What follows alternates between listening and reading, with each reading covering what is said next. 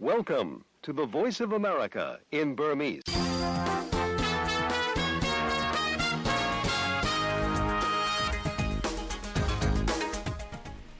မင်္ဂလာပါ VOA American အတန်ရဲ့2024ခုနှစ် February 18ရက်နေ့တနင်္ဂနွေနေ့မနေ့ရေဒီယိုရုပ်သံအစီအစဉ်တွေကို American ပြည်ထောင်စု Washington DC မြို့တော်ကနေတိုက်ရိုက်စတင်ထုတ်လွှင့်နေပါပြီ။ ဒါအပြင် VOA ရဲ့ Facebook နဲ့ YouTube စာမျက်နှာတွေကပါတပိန်နဲ့စတင်ထုတ်လွှင့်နေပါပြီ။ကျွန်တော်ကဇော်မိုးကျော်ပါခင်ဗျာဒီကနေ့မနေ့ပဲတန်လွှင့်အစီအစဉ်တွေကိုတာဝန်ယူတင်ဆက်သွားမှာပါ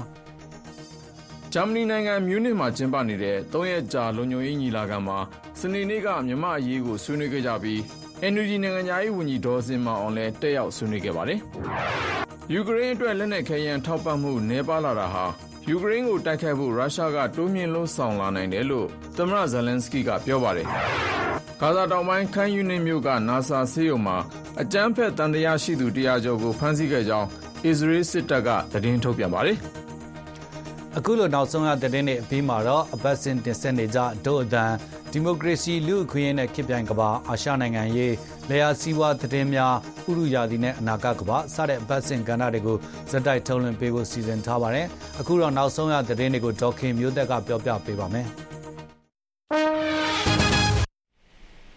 ယူကရိန်းအတွက်လက်နက်ခဲယမ်းအထောက်ပံ့တွေနှဲပါလာတာဟာယူကရိန်းကိုတိုက်ခိုက်နေတဲ့ရုရှားအတွက်သူ့ရဲ့တပ်ကိုပြန်ပြီးအားဖြစ်ဖို့အချိန်ရသွားစေနိုင်တယ်လို့ယူကရိန်းသမ္မတဗလိုဒီမီယာဇယ်လန်စကီကစနေနေ့မှာပြောကြားလိုက်ပါတယ်။ ယူကရိန်းအရှေ့ပိုင်းအဖရိကမြို့ကနေတပ်တွေကိုပြန်ပြီးဆုတ်နေပြီလို့သူ့စစ်တပ်အကြီးအကဲကြေညာချက်ထွက်လာခဲ့ပြီးတဲ့နောက်မှာတော့ဂျာမနီမှာလုံခြုံရေးနီလာခံတက်နေတဲ့ယူကရိန်းသမ္မတကတာဝေးပြစ်လက်နက်တွေခဲယမ်းမိကြောက်တွေလိုအပ်ကြောင်းပြောကြားလိုက်တာဖြစ်ပါတယ်။နှစ်နှစ်နီးပါးကြာမြင့်နေပြီဖြစ်တဲ့စစ်ပွဲမှာ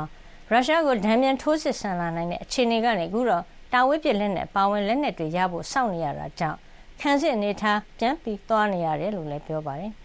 ဒီညီလာခံမှာယူကရိန်းသမ္မတဇယ်လန်စကီနဲ့အမေရိကန်ဒုသမ္မတကမ်မလာဟဲရစ်တို့တွေ့ဆုံခဲ့ကြပြီးပူးတွဲသတင်းစာရှင်းလင်းပွဲလည်းလုပ်ပါတယ်။ဒုသမ္မတဟဲရစ်ကယူကရိန်းကိုဆက်လက်ကူညီရေးဟာအမေရိကန်မဟာဗျူဟာအကျိုးစီးပွားမှာပါဝင်ကြောင်းပြောပါတယ်။အမေရိကန်လွှတ်တော်မှာအတည်ပြုဖို့အတွက်ကြန့်ကြာနေတဲ့ယူကရိန်းအတွက်စီးရေးထောက်ကူဟာယူကရိန်းတွန်းလှန်စစ်အတွက်အရေးပါကြောင်းဒုသမ္မတကပြောတယ်လို့ယူကရိန်းသမ္မတကလည်းယူကရိန်းကိုအမေရိကန်ကမဟာဗျူဟာကျမိတ်ဆွေဖြစ်နေဆက်ထားမယ်လို့ယုံကြည်ထားကြောင်းပြောပါတယ်။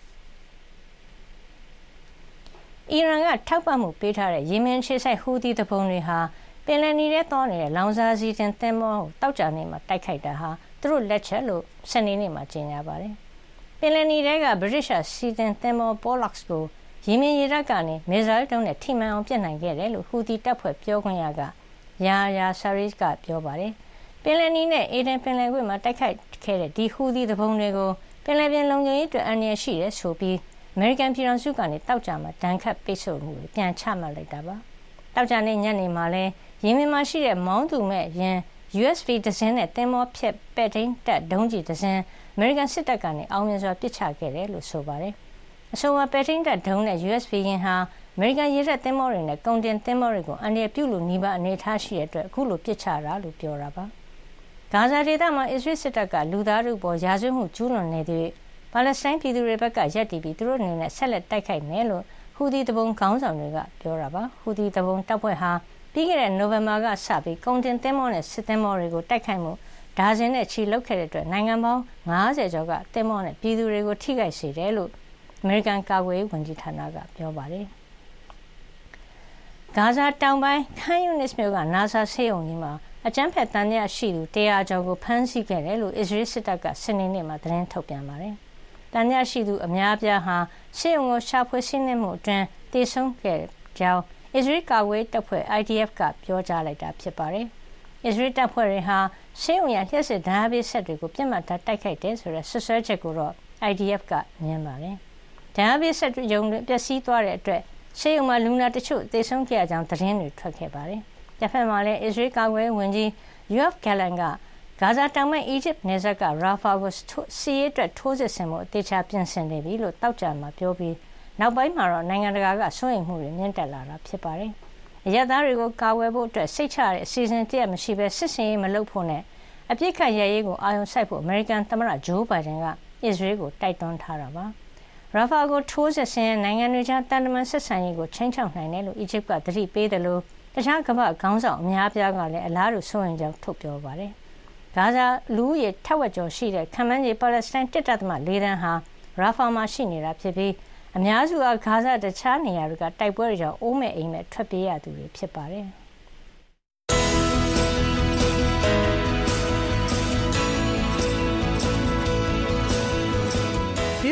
VOA American တန်မနေ့ဖက်မြန်မာဘာသာအစီအစဉ်တွေကိုမနေ့6နာရီကနေ9နာရီထိလိုင်းဒိုမီတာ32 kHz 9335နဲ့9383ညလိုင်းဒိုမီတာ49 kHz 6153ညပထမနိုင်ဝက်မှာလှိုင်းလက်မီတာ190 kHz 1505တို့ကနေပြီးထုတ်လွှင့်ပေးနေပါတယ်ရှင်။ဒီမနေ့ခင်းသတင်းတွေကိုဆက်လက်ကြီးညာနေပါတယ်။ တနေရာထဲမှာပဲပုံပြီးတော့မိခိုအားထားတာမျိုးကိုရှောင်ရှားဖို့ဆိုတဲ့အကြောင်းပြချက်နဲ့တရုတ်ကိုကုန်သွယ်ရေးကနေဖယ်ထုတ်ဖို့ကြိုးစားမယ်ဆိုရင်တမိုင်းဝင်အမှားတရဖြစ်မယ်လို့တရုတ်နိုင်ငံသားရေးဝန်ကြီးဝမ်ယီကဂျာမနီနိုင်ငံမြို့နေမှာကျင်းပတဲ့နိုင်ငံတကာလုံခြုံရေးညီလာခံမှာစနေနေ့ကပြောပါတယ်။ကုန်သွယ်ရေးမှာတရုတ်ပေါ်မှာပုံပြီးမိခိုအားထားတာကိုရှောင်ဖို့နဲ့အဓိကလိုအပ်တဲ့ပစ္စည်းတင်သွင်းမှုတွေကိုတနေရာထဲကနေမဟုတ်ဘဲနေရာအတော်များများမှာဖြန့်ဝေခွဲထားတာဟာပိုးပြီးတော့ဘေးအန္တရာယ်ကင်းတဲ့ချင်းကပ်မှုမျိုးလို့ ညီလာခံကိုအင်ရှင်ဖြစ်ကျင်းပနေတဲ့ဂျာမနီနိုင်ငံကပြောကြားခဲ့တာဖြစ်ပါတယ်။ဒီချင်းကပ်မှုပုံစံဟာတခြားဆက်မှုစီးပွားအင်အားကြီး9နိုင်ငံ G7 အဖွဲ့ဝင်တွေရဲ့ချင်းကပ်မှုနဲ့လည်းကိုက်ညီပါတယ်။ဒါဟာတရုတ်ကိုထိခိုက်အောင်လုပ်ဖို့မဟုတ်ဘူးလို့ဂျာမနီကပြောပါတယ်။တရုတ်နိုင်ငံကတော့ဒီမဟာဗျူဟာကိုဝေဖန်လိုက်တာပါ။ပူပေါင်းဆောင်ရွက်ဖို့အတွက်ပြက်ကွက်တာကသာကြီးမားတဲ့အန်ဒီရဖြစ်တယ်ဆိုတာကိုဒီနေ့အများကသဘောပေါက်လာကြတယ်လို့လည်းပြောပါတယ်။ ဘေးအန္တရာယ်လျှော့ချဖို့ဆိုတဲ့အကြောင်းပြချက်နဲ့တရုတ်ကိုကုန်သွယ်ရေးကနေဘေးဖယ်ထားဖို့ကြိုးစားတဲ့ဘယ်သူမဆိုတမိုင်းဝင်အမှားကျူးလွန်ရာရောက်နေတယ်လို့တရုတ်နိုင်ငံသားဝန်ကြီးကပြောဆိုလိုက်တာပါ။ဒါအပြင်ဝီဂါမွတ်စလင်တွေရှိရာရှင်ကျန်းဒေသမှာအာရမလုံအားခိုင်းစေမှုတွေရှိတယ်ဆိုတာဟာမဟုတ်မမှန်ဆွဆွဲတာသာဖြစ်ပြီးတော့တရုတ်နိုင်ငံရဲ့ဖွံ့ဖြိုးတိုးတက်မှုကိုဟန်တားဖို့အတွက်ရည်ရွယ်လှုံ့ဆော်တာသာဖြစ်တယ်လို့တရုတ်နိုင်ငံသားဝန်ကြီးကပြောဆိုလိုက်ပါတယ်။ ဂျာမနီနိုင်ငံ မြူးနစ်မြို့မှာ ၃ ရက်ကြာ ကျင်းပနေတဲ့ အကြိမ်60မြောက် မြူးနစ်လုံခြုံရေးညီလာခံမှာ စနေနေ့က မြန်မာရေး တက်ရောက်ဆွေးနွေးခဲ့တဲ့ NUG နိုင်ငံခြားရေးဝန်ကြီး ဒေါ်စင်မာအောင်က မြန်မာနိုင်ငံမှာ စစ်တပ်အာဏာသိမ်းမှုကို ပြည်သူတွေက မလိုလားတဲ့အတွက် ခုခံပြီးတော်လှန်နေကြတာဖြစ်ကြောင်း ပြောကြားလိုက်ပါတယ်။ Actually, civil, civil resistance movement have been a consistent feature of of Myanmar. Uh, you know, the democratic transition and Myanmar's uh, journey to အရက်တဲ့ပြည်သူတွေရဲ့ဆရာနာရှင်ကိုတော်လှန်ပုန်ကန်မှုဟာမြန်မာနိုင်ငံဒီမိုကရေစီလမ်းရှောက်နှမ်းရမှာပုံမှန်အမြဲတမ်းတွေ့နေရတဲ့ဖြစ်ရဖြစ်ပြီး2021စစ်တပ်အာဏာသိမ်းတာကိုတော်လှန်တဲ့ဒီတစ်ခါခုခံတော်လှန်မှုမှာတော့အထူးသဖြင့်လူငယ်တွေအမျိုးသမီးတွေပါလာတာဟာထူးခြားသလိုမြို့နဲ့တောနေပြည်သူတွေလူရန်စားမျိုးစုံအားလုံးပါဝင်လာတာဖြစ်ကြောင်းပြောကြားခဲ့တာဖြစ်ပါတယ်။ American နိုင်ငံသားဝန်ကြီးဟောင်း Hillary Clinton ဦးဆောင်ဆွေးနွေးခဲ့တဲ့ဒီအစီအစဉ်မှာအမျိုးသားညီညွတ်ရေးအစိုးရနိုင်ငံခြားရေးဝန်ကြီးဒေါ်စင်မောင်အောင်ကခုခံတော်လှန်နေသူများရဲ့အသံ Rebel with a Cause Voice of Civil Resistance ဆိုတဲ့ခေါင်းစဉ်နဲ့တက်ရောက်ပြီးဆွေးနွေးခဲ့တာဖြစ်ပါတယ်။မြန်မာနိုင်ငံမှာစစ်တပ်အာဏာသိမ်းမှုကိုလက်မခံဘဲဌာနဘောင်းဆောင်ကနေ CDM လုပ်တဲ့ဝန်ထမ်းတွေထဲမှာအမျိုးသမီးက66ရာခိုင်နှုန်းပါနေတယ်လို့မျိုးဆက်သက်လူငယ်တွေထဲမှာလည်းအခုနောက်ဆုံး Generation Z မျိုးဆက်အထိပါလာတာဖြစ်ကြောင်းလည်းပြောကြားခဲ့တာပါ။နှစ်ပေါင်းများစွာထိန်းချုပ်နေတဲ့ဖြိုခွဲဖို့အတွက်မလွယ်ကူဘူးလို့သတ်မှတ်ထားတဲ့စစ်အာဏာရှင်ကိုတိုင်းဒေသလက်နက်ကိုင်တွေရဲ့1029စစ်စင်ရဲ့အပါဝင်ပြည်သူအများရဲ့စုပေါင်းတွန်းလှန်မှုကြောင့်အခုဆိုနိုင်ငံရဲ့ရာခိုင်နှုန်း60ကျော်ကိုခုခံတော်လှန်နေသူတွေကထိန်းချုပ်ထားနိုင်ပြီဖြစ်ကြောင်းနဲ့ဒါဟာမြန်မာပြည်သူတွေရဲ့ထူးခြားတဲ့ဒဏ်ခံနိုင်မှုကနေရတဲ့ ရလဒ်ဖြစ်ကြောင်းတင်ပြခဲ့တာလည်းဖြစ်ပါတယ်။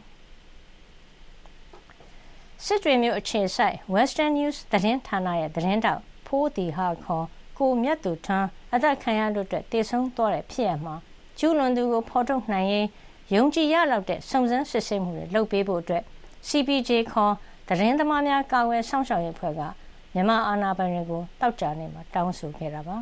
။သတင်းဌာနအတွက်လည်း DVB သတင်းဌာနအတွက်သတင်းပို့နေတဲ့ကိုမြတ်သူထွန်းကိုပုံမှန်905ကာကြီးနဲ့2022စက်တင်ဘာလကလေးကဖမ်းဆီးခဲ့တာဖြစ်ပြီးရခိုင်ပြည်နယ်မြောက်ဦးမြို့မှာစစ်တပ်ကဖမ်းဆီးထားစဉ်မှာအပြစ်ဒဏ်ခံရပြီးတေဆုံးခဲ့တာလို့ Western News သတင်းဌာနရဲ့အယ်ဒီတာချုပ်ဝနခွာညိုရဲ့ပြောဆိုချက်ကိုကိုးကားပြီး CPJ ကြေညာချက်မှာဖော်ပြထားပါတယ်။စစ်ပွဲဖြစ်နေတဲ့ရခိုင်ပြည်နယ်ထဲမှာရခိုင်တပ်တော် AA ကစစ်ကောင်စီချင်းမြန်တိုင်ရင် 308ကို February 9ရက်နေ့မှာဝင်ရောက်ဆင်းနှင်းခဲ့တာဖြစ်ပြီးနောက်အဲ့ဒီတိုင်ရင်ရဲ့ဘုံခိုကျင်းတစ်ခုထဲမှာကိုမြတ်သူထွန်းရဲ့ရုပ်အလောင်းနဲ့အတူ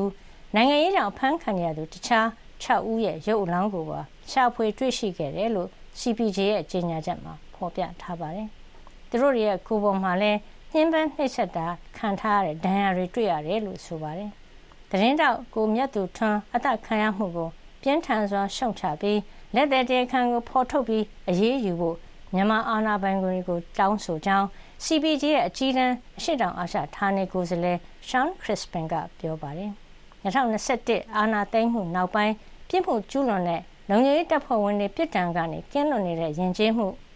မြန်မာနိုင်ငံမှာအမြင့်တွဲနေပြီးအခုလိုတပ်ဖြတ်မှုတွေကိုစစ်ကောင်စီကရပ်ပစ်ဖို့နဲ့သတင်းတောက်တွေကိုအကာအကွယ်ပေးဖို့အတွက် CPJ အဖွဲ့ကတောင်းဆိုလိုက်ပါတယ်။ CPJ ကနောက်ဆုံးထုတ်ပြန်ထားတဲ့သတင်းသမားတွေအသက်ဖြတ်ခံရမှုကမ္ဘာလုံးဆိုင်ရာအညွှန်းကိန်းအရ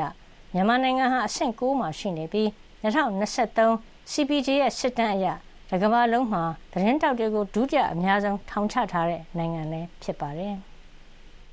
Direct from Washington,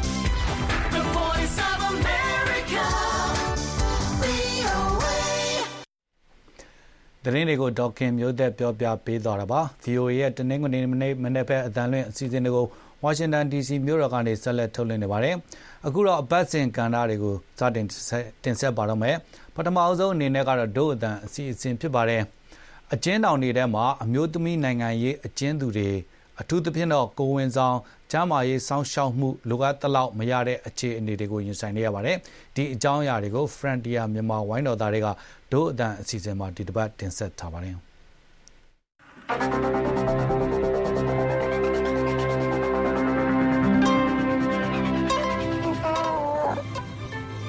ခံစားရတာတော့မမေဖမ်းမခံရခင်ချွေကိုပြန်ပြီးနောက်ဆုတ်ပလိုက်ခြင်းတယ်ပြီးတော့မမေကတဖြည်းဖြည်းနဲ့ပိန်ပိန်လာတယ်တွေးလိုက်ရင်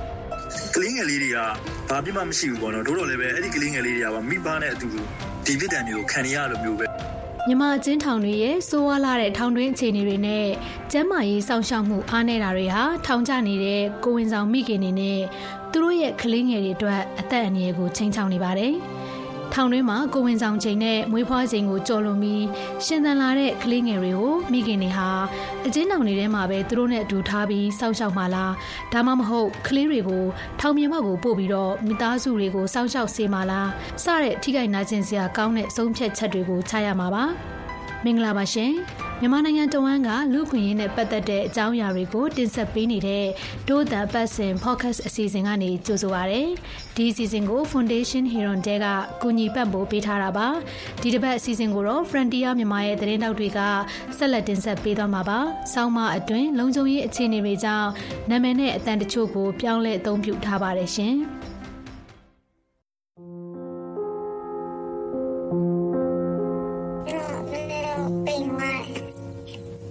ပိန်သွားတယ်ငိုတော့ငိုချင်တာပေါ့သူ့ရှိမှမငိုမိအောင်စကားကြီးပြောရတာပေါ့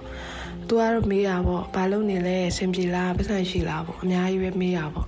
ကလေးမခေါ်လာဘူးလားလည်းမေးရယ်ကလေးကနေမကောင်းဆယ်ကျော်သက်အရွယ်မနှင်းပွင့်ကအကျဉ်းကျနေတဲ့သူ့အမိနဲ့တွေ့ခဲ့ရတဲ့နောက်ဆုံးအခြေအနေကိုပြောပြခဲ့တာပါ မနှင်းပွင့်အမိက2021ဖေဖော်ဝါရီကစစ်အာဏာသိမ်းပြီးနောက်အာဏာရှင်စန့်ကျင်တဲ့အင်အားစုတွေကိုထောက်ပံ့နေဆိုတဲ့ဆွဆွဲချက်နဲ့စစ်ကောင်စီကဖမ်းဆီးထောင်ချထားတာပါအဖမ်းခံရစဉ်တုန်းကမနှင်းပွင့်အမိကကိုဝင်နဲ့ပါအဲဒါကြောင့်ထောင်ထဲမှာပဲကိုဝင်ဆောင်ပြီးကလေးမွေးဖွားခဲ့ရပါတယ်အခုသူ့အမေမိတဲ့ကလေးဆိုတာကမနှင်းပွင့်ရဲ့မောင်လေးဖြစ်ပါတယ်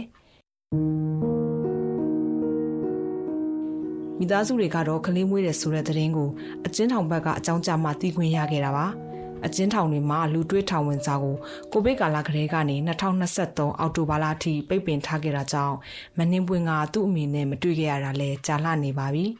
ဒါပေမဲ့သူ့မောင်လေးကိုတော့ထောင်ပြင်ပကမိသားစုစီပို့ထားတာကြောင့်အခုသူတို့နဲ့အတူရှိနေပါတယ်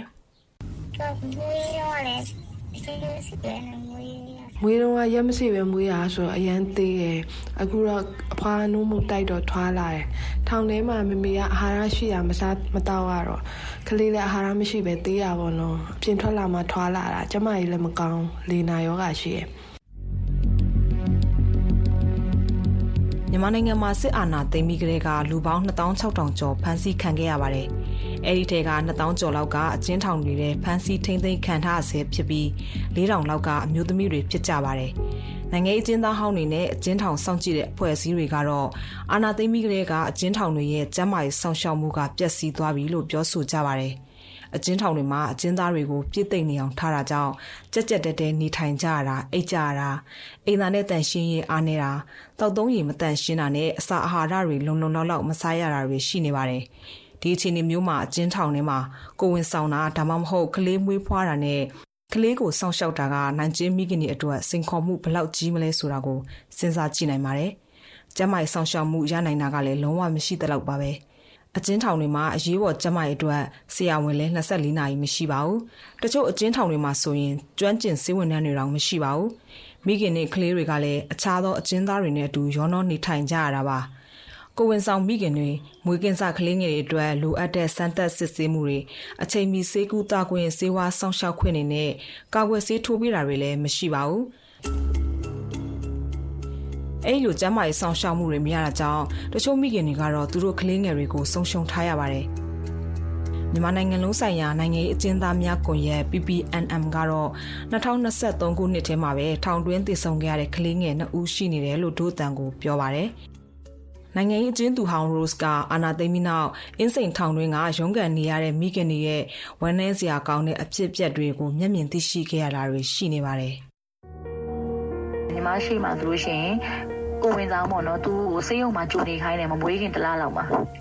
နိုင်ကျဲမဲ့ပေါ့နော် ကြိုနေဒါပေမဲ့ သူမွေးတိုင်းနေမှာသူကဘိုက်ရှင်းမွားလွန်သွားလို့ဆိုပြီးအင်းစိန်စေးရုံရောက်တဲ့ချိန်မှာကလေးကိုခွဲထုတ်တော့လေကလေးကအသက်ဆုံးရှုံးသွားတယ်ပေါ့နော်တကယ်တကယ်ဘိုင်းလာတဲ့ချိန်မှာအင်းစိန်စေးရုံမဖို့အရင်ပို့နောက်ကျသွားတယ်နောက်ထပ်ကလေးမိခင်ဆိုရင်အပြင်စေးရုံမှာတော့ကလေးသွားမွေးလိုက်တယ်ကလေးရဲ့လည်းသက်ရှင်တယ်ဒါပေမဲ့ကလေးတော်ဝဝင်တာကိုအပြင်စေးရုံကနေပြီးချက်ချင်းအင်းစိန်ထောင်နဲ့ထောင်စေးရုံပြန်ပို့လိုက်တယ်ကလေးကအတော်ဝဝင်ပြီးပါလာတယ်လမ်းမှာထောင်လေးစေးရုံရောက်ပြီးတိတ်မကြဘူးကလေးကတည်သွားတယ်ပေါ့ ကိုတိုက်ထုံးကမြန်မာနိုင်ငံလုံးဆိုင်ရာနိုင်ငံရေးအကျဉ်းသားများကွန်ရက် PPNM ရဲ့တာဝန်ခံတူပါသူ့အဖွဲ့ကအကျဉ်းထောင်တွေကလူခွင့်ရေးချိုးဖောက်မှုတွေကိုမှတ်တမ်းပြုစုတာနဲ့နိုင်ငံရေးအကျဉ်းသားတွေအတွက်လိုအပ်တဲ့ကူညီထောက်ပံ့မှုတွေပေးနေတာပါထောင်ထဲကကလေးတွေဟာမိခင်နဲ့အတူအပြစ်ဒဏ်ခံနေကြရပြီးထိခိုက်နစ်နာမှုတွေလည်းရှိနေကြတယ်လို့ကိုတိုက်ထုံးကပြောပါတယ်အပြင်မှာ လွတ်လပ်စွာမူဖောက်ခွင့်ရတဲ့ကလေးငယ်လေးတောင်မှကျမကြီးဆောင်းဆောင်းမှုကိုမူဖောက်စဉ်ကာလတစ်လျှောက်လုံးမှာအဲ view design နဲ့ကြည့်နေရတဲ့အနေအထားတစ်ခုမှာအချင်းထောင်ထဲမှာကြတော့ကလေးတွေအတွက်ဖြစ်စစ်စာတွေရရှိဖို့ခက်ခဲတယ်ကလေးငယ်လေးတွေကဘာပြမှမရှိဘူးပေါ့နော်တို့တော့လည်းပဲအဲ့ဒီကလေးငယ်လေးတွေကမိဘနဲ့အတူတူဒီပြစ်ဒဏ်တွေကိုခံရလိုမျိုးပဲကလေးငယ်တွေမှာကအပြင်ဘက်မှာရှိနေကလေးငယ်နဲ့အတူတူဒန်းတူပေါ့သူတို့မှာနေထိုင်ခွင့်မရှိဘူးပေါ့နော် ပြည်ပြည်ဆိုင်ရာလူ့ခွင့်ရေးကြီးညာစာတမ်းအပိုက်25ရ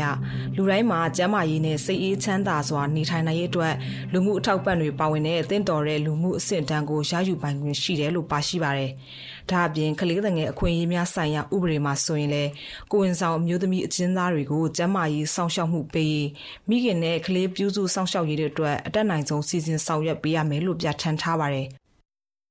ဒါပေမဲ့မြန်မာနိုင်ငံအကျဉ်းထောင်တွေကကလေးမိခင်တွေနဲ့ကလေးငယ်တွေကတော့ကောင်းမွန်တဲ့ကျန်းမာရေးစောင့်ရှောက်မှုတွေကိုမရနိုင်ကြပါဘူး။ဒါကြောင့်မလင်းပွင့်အမေလို့ထောင်ပြင်ပကမိသားစုနဲ့အဆက်အသွယ်ရတဲ့နိုင်ကျင်းမိခင်တွေကတော့သူတို့ကလေးတွေကိုမိသားစုစီပေးဖို့ကြပါတယ်။ဒါပေမဲ့တိုက်ပွဲတွေလမ်းမဆက်သွယ်ရေးခတ်တာတွေနဲ့လုံခြုံရေးအခြေအနေတွေအရမိသားစုနဲ့အဆက်အသွယ်လုပ်ဖို့ခက်နေကြပြီးကလေးကိုပို့ဖို့အခွင့်မသာတဲ့မိခင်တွေကတော့ကလေးနဲ့အတူထောင်ထဲမှာပဲခက်ခက်ခက်ခဲရှင်သန်ကြရပါတယ်။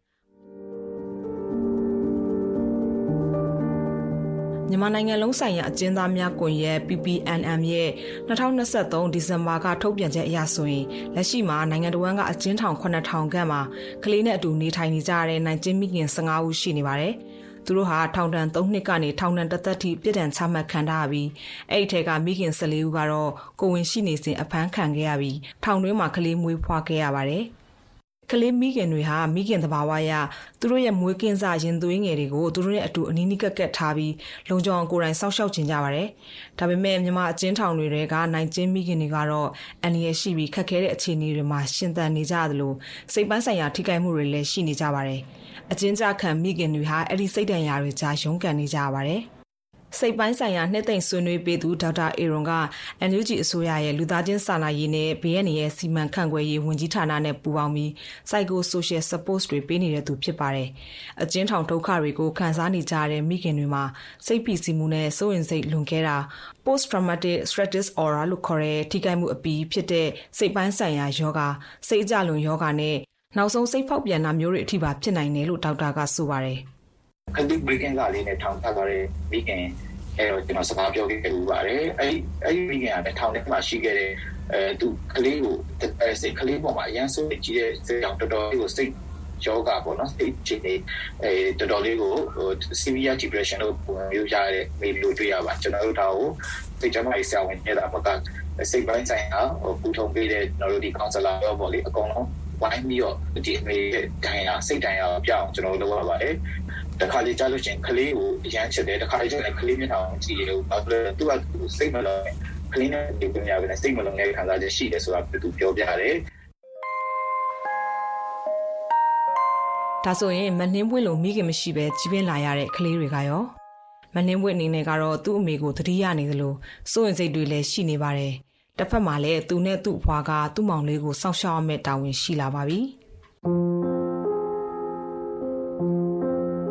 မနှင်းပွင့်ကသူ့အမေနဲ့ပဲအတူမနေနိုင်တာမဟုတ်ပါဘူးသူ့အဖေကလည်းကိုဗစ်ကာလအတွင်းကဆုံးမသွားပါတယ်တစ်ချိန်ကသူတို့မိသားစုလေးရဲ့အပူပင်မရှိပဲပျော်ပျော်ရွှင်ရွှင်နေထိုင်ခဲ့ကြရတာကိုသူမှတ်မိနေပါတယ်။စီးပွားရေးလည်းအဆင်ပြေခဲ့တယ်လို့မနှင်းဝင့်ကိုယ်တိုင်လည်းနိုင်ငံခြားမှာကြောင်တက်အလုပ်လုပ်နိုင်မှုမျှော်လင့်ချက်တွေနဲ့ရှင်သန်နေခဲ့တာပါ။ ဒါပေမဲ့အခုတော့မနှင်းဝင့်အတွက်တစ်ချိန်မှာသူ့မိပြန်လဲလွတ်မြောက်လာပြီးမိသားစုပြန်လဲစုံစည်းနိုင်မှုစောင့်မျှော်နေတယ်လို့သူတို့အားလုံးလုံခြုံစိတ်ချရတဲ့နေရာတစ်ခုမှာရှင်သန်နိုင်ကြဖို့မျှော်လင့်နေပါတယ်။ခံစားရတာတော့မမေဖမ်းမခံရခင်ချိန်ကိုပြန်ပြီးနောက်ဆုတ်ပလိုက်ခြင်းတယ်ပြီးတော့မမေကိုဖမ်းထားတဲ့လူတွေကိုလည်းမုန်းတယ်စစ်ကောင်စီကိုလည်းမုန်းတယ်သူတို့ကြောက်ပဲအဲ့လိုတွေဖြစ်လာတာ မေမေပြန်လွတ်လာရင်အကုန်လုံးပဲအခြားနေရာကိုပြောင်းသွားခြင်းတယ်နိုင်ငံခြားပြောင်းတာပဲဖြစ်ဖြစ်ပေါ့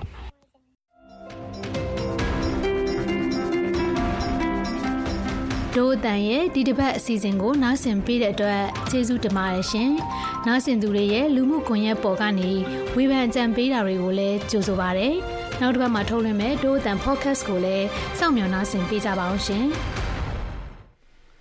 တို့အတန်အစီအစဉ်ကိုကြည့်ရှုနာတော်တာဆင်ခဲ့ရတာဖြစ်ပါတယ်အခုဆက်လက်ပြီးတော့အပတ်စဉ်ကဏ္ဍတစ်ပုဒ်ဖြစ်တဲ့ဒီမိုကရေစီလူ့အခွင့်အရေးနဲ့ခေတ်ပြိုင်ကမ္ဘာအစီအစဉ်ကိုတင်ဆက်ပါအောင်မယ်အနာဂတ်ဖက်ဒရယ်ပြည်ထောင်စုတည်ဆောက်ရေးဆိုင်ရာဆွေးနွေးရေးဆိုတဲ့ KIO အကြီးအကဲဗိုလ်ချုပ်ကြီးအမ်ဘန်လာရဲ့အဆိုပြုချက်နဲ့အာဆီယံရဲ့တမျိုးသားလုံးဆိုင်ရာတွဲဆုံဆွေးနွေးရေးကိုချိတ်ဆက်လို့ရနိုင်ပါသလားဒုတိယပိုင်းအဖြစ်ဦးသွင်လင်းအောင်နဲ့ဦးတင်မောင်တန်းတို့ကဆွေးနွေးထားပါတယ်ခင်ဗျာ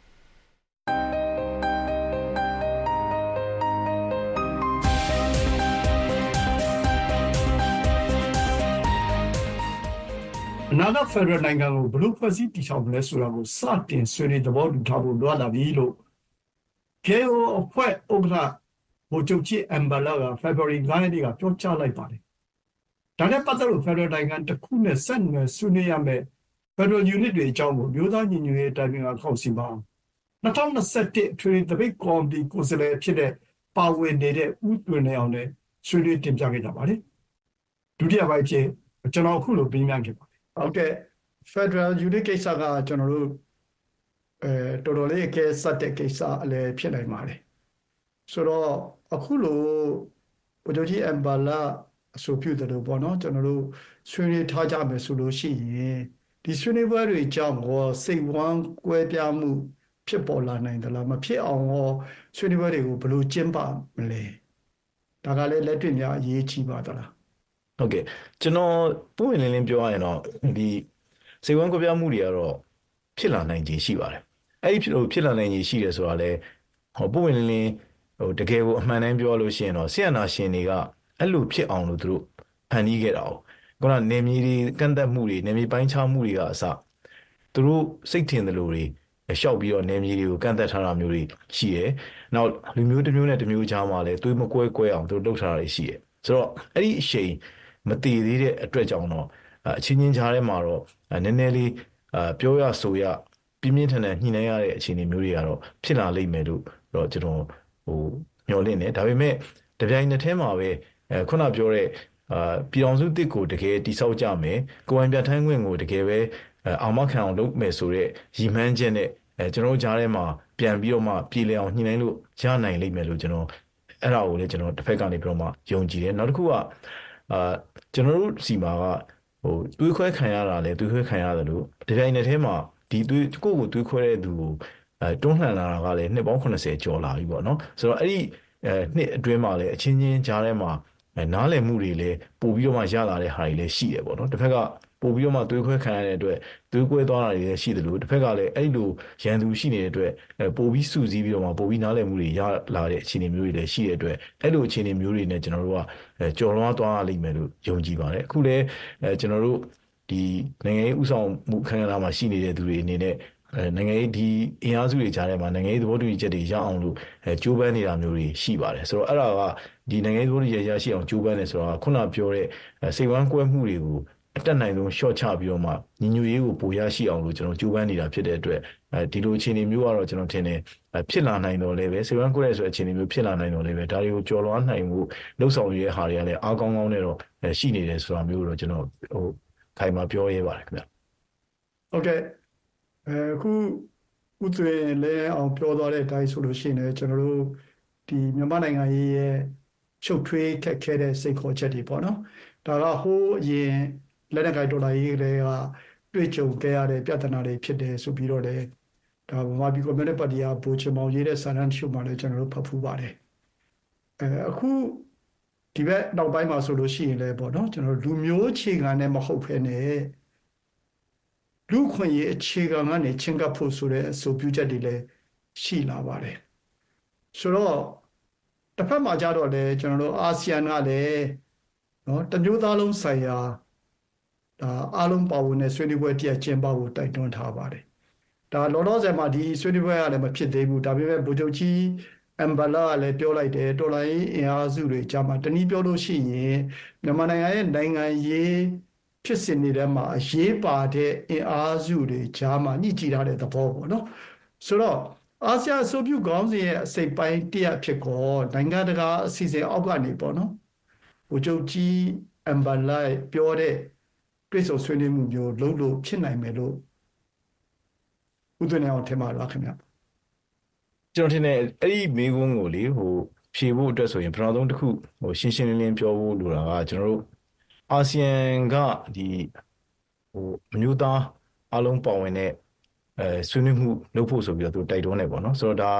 အဲ5 consensus မှာလည်းအဲသူတို့ပြောခဲ့တဲ့ဟာပေါ့ဆိုတော့အဓိကတော့ဟိုအဲ့မှာရှင်းရှင်းလင်းကျွန်တော်တို့ရှိဖို့လိုတာက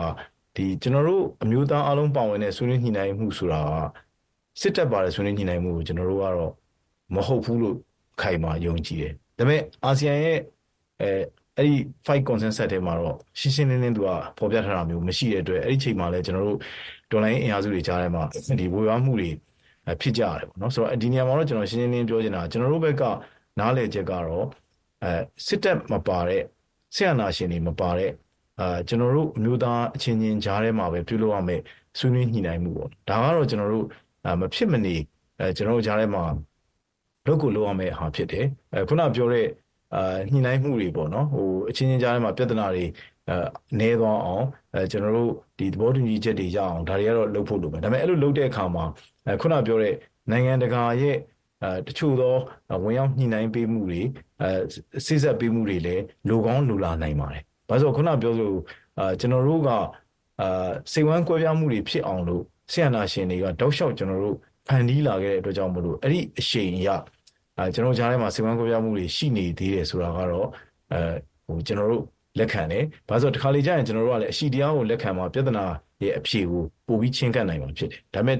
အဲတစ်ဖက်မှာလည်းခုနပြောလို့ပေါ့နော်ဟိုညီညွတ်ရေးတွေလည်းရခဲ့တဲ့ဟာတွေရှိတယ်။အဲ့တော့တကယ်လို့ခုနပြောတဲ့စိတ်ဝမ်းကွဲပြားမှုတွေကြောင့်မလို့ အဲကျွန်တော်ကြားထဲမှာညှိရနိုင်ရတာအဲနည်းနည်းလေးခက်ခဲတဲ့အခြေအနေမျိုးတွေဖြစ်လာခဲ့တယ်ဆိုရင်လည်းဒီကနေ့အပြည်ပြည်ဆိုင်ရာရဲ့ဝင်ရောက်ပြီးတော့မှညှိနှိုင်းမှုတွေစိစက်မှုတွေအဲဒါမျိုးတွေကလည်းကျွန်တော်ထင်တယ်နောက်တစ်ချိန်မှာဒါရှိကိုရှိလာရမယ်အဲကိစ္စတွေပဲပေါ့နော်လောလောဆယ်မှာတော့ကျွန်တော်တို့ကဆရာနာရှင်ကိုတော်လန်နေတဲ့ကာလဖြစ်တဲ့အတွက်ကျွန်တော်ချက်တာရဆိုရင်လည်းဒါဆရာနာရှင်ကိုဖယ်ရှားတဲ့ကာလဖြစ်တဲ့အတွက်ဒီဟာတွေကိုတော့ကျွန်တော်တို့အသေးစိတ် ဖော်ပြထားနိုင်သေးတာမရှိဘူးဒါပေမဲ့ခုနအသွင်ကူးပြောင်းရေးကာလပေါ့နော်ဂျာဒုတိယကာလအနေနဲ့ကျွန်တော်သတ်မှတ်ထားတဲ့အဲ့ဒီကာလမှာတော့အဲ့လိုညှိနှိုင်းမှုတွေကျွန်တော်တို့မဖြစ်မနေလုပ်ကြရမှာဖြစ်တယ်အဲ့လိုညှိနှိုင်းမှုတွေကိုကျွန်တော်တို့လုပ်တဲ့အခါမှာတော့ခုန international ရဲ့အာဝင်ရောက်ပေးတာတွေညှိနှိုင်းပေးတာတွေစစ်ဆက်ပေးတာတွေဆိုတဲ့အခြေအနေမျိုးတွေလည်းရှိလာနိုင်တယ်လို့လည်းကျွန်တော်ခိုင်းမှာဟိုယုံကြည်ပါတယ်ဗျဟုတ်ကဲ့ဟုတ်ကဲ့စောစောကဥသွေးလေးကိုပြောသွားတဲ့ထက်မှာအဲ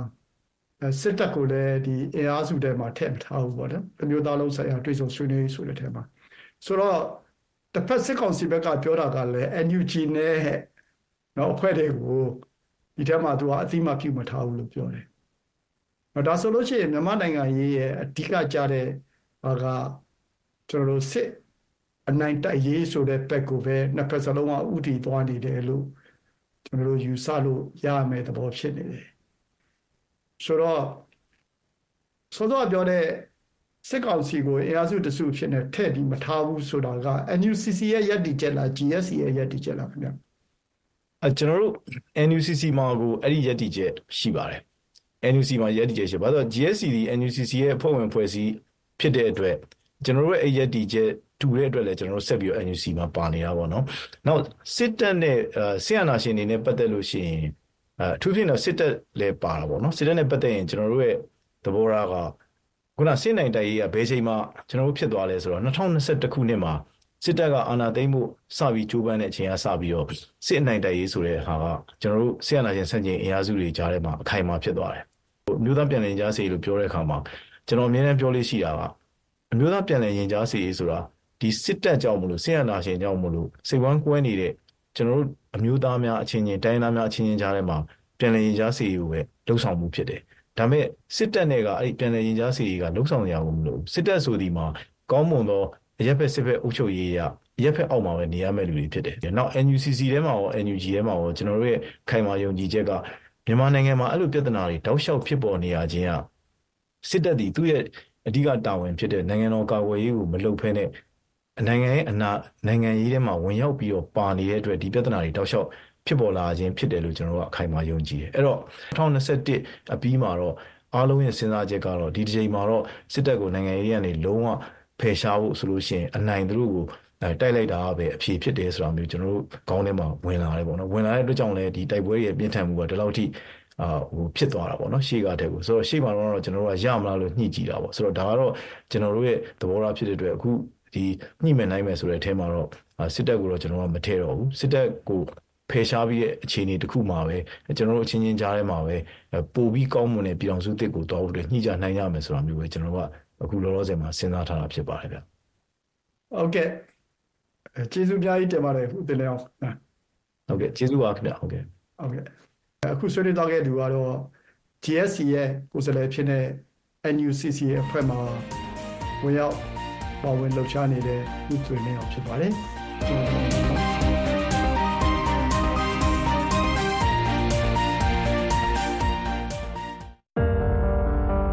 မသေးချာမရေရာမှုတွေနဲ့ပြည့်နှက်အပြောင်းအလဲတွေများတဲ့ကဘာကြီးမှာကျမတို့ကြားသလိုမြင်သလိုဖြစ်မလာတဲ့အခါ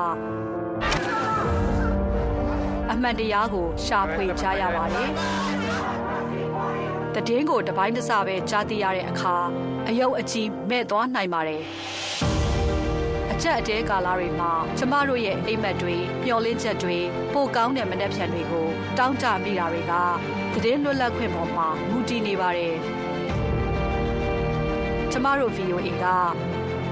အန်ဒီရဲ့ဂျားကတည်င်းတွေကိုတင်ဆက်ပေးနေပါတယ်။ကဘာကြီးနဲ့ချိတ်ဆက်ပေးပြီး အမှန်တရားကိုစောင့်ကျင်းပေးနေပါတယ်။ VOA American အတန်းကတည်င်းမှန်တွေကိုဗတ်ပေါင်းစုံကတင်ပြပေးနေပါတယ်ရှင်။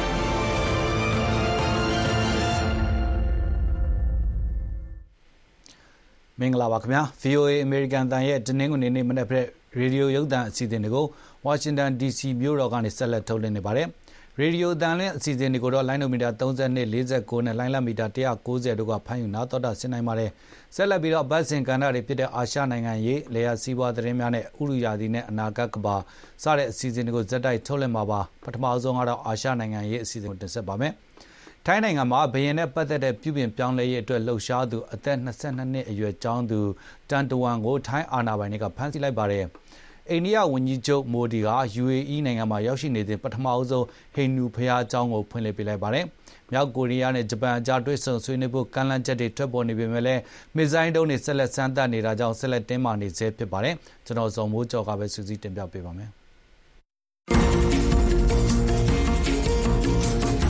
ထိုင်းနိုင်ငံမှာဘယင်နဲ့ပတ်သက်တဲ့ပြုပြင်ပြောင်းလဲရေးလှုပ်ရှားသူလူငယ်အမျိုးသမီးတန်တဝမ်ကိုထိုင်းအာဏာပိုင်တွေကဖေဖော်ဝါရီလ23ရက်နေ့မှာဖမ်းဆီးလိုက်ပါတယ်။ တန်တဝမ်ဟာ ပြီးခဲ့တဲ့ ဖေဖော်ဝါရီလ9ရက်နေ့က ဘန်ကောက်မြို့ အဝေးပြေးလမ်းမှာ ရဲတွေ လမ်းပိတ်ထားတာကို ကားနဲ့ကြော်ဝင်မောင်းနှင်ခဲ့ပြီးဘရင်အမတော်တီတီတုံလိုက်ပါလာတဲ့ရင်တန်းကိုကြော်တက်ခဲ့ပါတယ်။ရဲတွေက ကားနဲ့သူ့ကို လိုက်လံပိတ်ဆို့တားဆီးခဲ့ပါတယ်။ဒီဖြစ်ရပ်ကို သူက Facebook မှာ တိုက်ရိုက်လွှင့်ခဲ့ပါတယ်။အဲ့ဒီနောက် တန်တဝမ်နဲ့အဖွဲ့ဟာ ဖေဖော်ဝါရီလ10ရက်နေ့မှာ ဘန်ကောက်မြို့ လူစီကားရာ မြို့ပတ်ရထားဘူရာယုံတစ်ခုမှာ ဘရင်မိသားစုရင်တန်းဟာ အများပြည်သူသွာလာရေးကို အနောက်ရှက်ဖြစ်မဖြစ် အများဆန္ဒကောက်ယူခဲ့ရမှာဘရင်လိုလားသူတွေနဲ့အထီးကယုံဖြစ်ခဲ့တဲ့အတွက် ရဲတွေအပါအဝင် တော်တော်များများတန်ရာရခဲ့ပါတယ်။ထိုင်းနိုင်ငံမှာဘရင်နဲ့ မိသားစုကိုစန့်ကျင်ဖို့ဟာ အလွန်အန္တရာယ်ကြီးပြီး အလွန်ဖြစ်ခဲပါတယ်။တန်တဝန်တလူနွန်ဟာ အသက်22နှစ်သာရှိသေးတဲ့ ဒီမိုကရေစီရေးလှုပ်ရှားသူ ဖြစ်ပါတယ်။ 2020-2021ခုနှစ် ဆန္ဒပြပွဲတွေမှာဘရင်အာဏာလျှော့ချရေးနဲ့ဘရင်နဲ့ပတ်သက်တဲ့ တင်းကျပ်တဲ့ ဥပဒေတွေ ပြင်ဆင်ရေး တောင်းဆိုခဲ့ကြပါတယ်။တန်တဝန်ဟာ2022ခုနှစ်မှာ အဖမ်းခံရပြီး အာမခံနဲ့ ပြန်လွတ်ခဲ့ပါတယ်။2023ခုနှစ်မှာဘရင်ကာကွယ်ရေးဥပဒေနဲ့ ထပ်မံတရားစွဲဆိုခံရပါတယ်။တန်တဝန်နဲ့ တွဲဘက်လှုပ်ရှားသူ အော်ရဝန်ဖူပေါင် တို့ မိန်းကလေးနှစ်ဦးဟာ ရက်ပေါင်း90ကျော်ကြာ အစာငတ်ခံ ဆန္ဒပြခဲ့ကြပါတယ်။သူတို့နှစ်ဦးဟာ ပြီးခဲ့တဲ့လတွေကမှ အချုပ်ကနေ ပြန်လွတ်လာတာပါ။သူတို့ကို ထောက်ခံသူ တိုးလာပါတယ်။ဒါပေမဲ့ ထိုင်းမှာ ဒီကိစ္စဟာ အလွန်အန္တရာယ်ကြီးတဲ့အတွက် လူတွေက ပွင့်ပွင့်လင်းလင်း မထောက်ခံရဲကြပါဘူး။2023ခုနှစ်တန်တဝမ်တို့ အစာငတ်ခံ ဆန္ဒပြနေစဉ် နိုင်ငံတကာလူငင်းချမ်းသာခွင့်အဖွဲ့ကသူတေသီ ချနတစ်တတီယာခရွန်ပေါင်ကအခုလိုသုံးသပ်ပြောဆိုခဲ့ပူးပါတယ် um, from our observation we could say that people are reluctant ကျွန်တော်တို့လေ့လာမိသလောက်ဒီအစာငတ်ခံဆန္ဒပြတာကိုလူတွေကထောက်ခံဖို့တွန့်ဆုတ်နေကြပါတယ်။ဘာဖြစ်လို့လဲဆိုတော့နောက်ဆက်တွဲပြင်းထန်တဲ့အကျိုးဆက်တွေကိုကြောက်ရွံ့ကြတဲ့အတွက်ဖြစ်ပါတယ်။ဒါပေမဲ့2020နောက်ပိုင်းဆန္ဒပြပွဲတွေမှာဘရင်ဥပဒေပြင်ဆင်ရေးအတွက်ပြောင်ပြောင်တင်းတင်းတောင်းဆိုလာခဲ့ပါတယ်။ ထိုင်းမှာစစ်အာဏာရှင်စနစ်နဲ့ဘရင်စနစ်ဟာအပြန်အလှန်အကျိုးပြုတည်မီနေပြီးထိုင်းနိုင်ငံရဲ့နိုင်ငံရေးနဲ့စီးပွားရေးကိုလက်ဝဲကြီးအုပ်ချုပ်ကင်ထားတယ်လို့လူငယ်ចောင်းသားတွေပညာတတ်လူလာတန်းစားတွေကမြင်ကြပါတယ်။ဒါကြောင့်ထိုင်းနိုင်ငံဖွံ့ဖြိုးတိုးတက်ရေးနဲ့ဒီမိုကရေစီပုံမထွန်းကားရေးမှာဒီအချက်နှစ်ခုစလုံးကိုပြင်ဆင်ဖို့လိုတယ်လို့ယူဆကြတာပါ။ အခုအခါ တန်တဝမ်ကို ဖမ်းဆီးထားပြီး ထောင်ဒဏ်15နှစ်အထိကျနိုင်တဲ့ ပုံမှ132ဘရင်ကာကွယ်ရေးဥပဒေနဲ့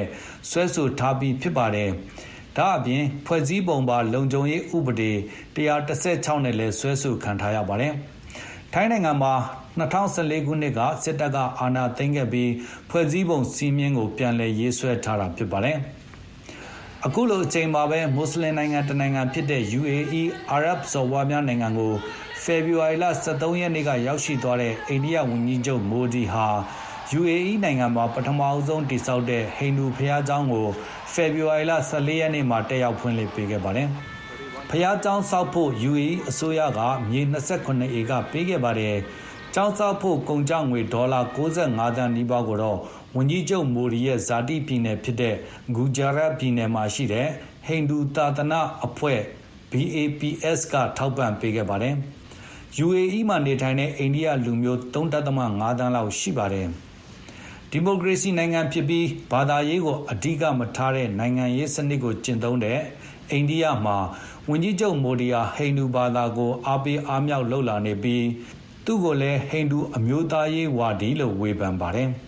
ပြီးခဲ့တဲ့ ဇန်နဝါရီလထဲတုန်းက ရှေးဟောင်းမွတ်စလင်ပတီကို ဖြိုချခဲ့တဲ့ မြေနေရာမှာ ဆောက်လုပ်ထားတဲ့ ဟိန္ဒူဘုရားကျောင်းဖွင့်ပွဲကို ဝန်ကြီးချုပ်မိုဒီ တက်ရောက်ခဲ့တဲ့အတွက် ဝိုင်းဝန်းဝေဖန်ခဲ့ပါတယ်။လူဦးရေတန်း1400ကျော်ရှိတဲ့ အိန္ဒိယမှာ မွတ်စလင်14ရာခိုင်နှုန်းရှိပါတယ်။အခုလိုအချိန်မှာပဲ မြောက်ကိုရီးယားနဲ့ ဂျပန်အကြား နီးကပ်တဲ့ဆက်ဆံရေးတွေဖြစ်မလာနိုင်ကြအကြောင်းမရှိပါဘူးလို့ မြောက်ကိုရီးယားခေါင်းဆောင် ကင်ဂျုံအွန်းရဲ့အမဖြစ်သူ ကင်မျိုးဂျုံက ဖေဖော်ဝါရီလ15ရက်နေ့မှာ ပြောဆိုခဲ့ပါတယ်။ဂျပန်ဝန်ကြီးချုပ်ဖူမီယိုကီရှီဒါကမြောက်ကိုရီးယားခေါင်းဆောင်နဲ့ ထိပ်သီးတွေ့ဆုံလိုတယ်လို့ ပြီးခဲ့တဲ့ ရက်သတ္တပတ်ထဲမှာ ပြောဆိုအပြီး အခုလို ထွက်ပေါ်လာတာဖြစ်ပါတယ်။ဒါပေမဲ့တစ်ဖက်မှာလည်း ဖေဖော်ဝါရီလ14ရက်နေ့မှာ မြောက်ကိုရီးယားက မစ်ဇိုင်းနှုန်းတွေ ထပ်မံစမ်းသပ်ပစ်လွှတ်ခဲ့တဲ့အတွက် စိုးရိမ်မှုတွေရှိနေကြောင်း ဂျပန်အစိုးရပြောရေးဆိုခွင့်ရှိသူ Yoshimasa Hayashi က ဖေဖော်ဝါရီလ ၁၅ ရက်နေ့မှာ ပြောဆိုခဲ့ပါတယ်။“မစ်ဇိုင်းဒုံးတွေကို ရေငုပ်သင်္ဘော ဒါမှမဟုတ် စစ်သင်္ဘောတွေအပေါ်ကနေ ပစ်ခတ်စမ်းသပ်နေတာဟာ ဘယ်နေရာကနေ ပစ်မယ်ဆိုတာကို ခန့်မှန်းဖို့ခက်အောင် လုပ်နေတာဖြစ်ပါတယ်။မြောက်ကိုရီးယားအနေနဲ့ ရုတ်တရက် တိုက်ခိုက်နိုင်မဲ့စွမ်းရည်မျိုးကို မြင့်တင်နေတာပါ။မြောက်ကိုရီးယားက ရုတ်တရက် တိုက်ခိုက်မှာကို စိုးရိမ်နေပြီး အခြေအနေတွေကို မပြတ်စောင့်ကြည့်နိုင်ဖို့ ဂျပန်အနေနဲ့ တောင်ကိုရီးယား အမေရိကန်တို့နဲ့ ဆက်လက် ပူးတွဲလှုပ်ဆောင်သွားမယ်လို့ ဂျပန်ပြောရေးဆိုခွင့်ရှိသူက ပြောဆိုခဲ့ကြောင်း ဒီတစ်ပတ် အာရှနိုင်ငံရေး အစီအစဉ်မှာ တင်ပြလိုက်ရပါတယ်။အာရှနိုင်ငံရေး အစီအစဉ်ကို ကြည့်ရှုနာတော်တာဆင်ခဲ့ရတာပါ။ အခုဆက်လက်ပြီးတော့လေယာစီးပွားသတင်းများအစီအစဉ်ကိုတင်ဆက်ပါအောင်မယ်။မြန်မာနိုင်ငံကရာဘာကုန်ကြမ်းထုတ်လုပ်မှုဟာနိုင်ငံတကာအဆင့်အတန်းမီအောင်မလုပ်နိုင်တဲ့အတွက်နိုင်ငံတကာပေါက်ဈေးထက်ဒေါ်လာ400လောက်ဈေးနှိမ်ခံနေရပါတယ်။ဒီလိုအကြောင်းအရာအပြင်တပတ်အတွင်းလေယာထွက်ကုန်သီးနှံဈေးနှုန်းတွေကိုလည်းတင်ပြထားပါတယ်။ The Farmer Time Media ကစူးစီးတင်ပြထားတာပါ။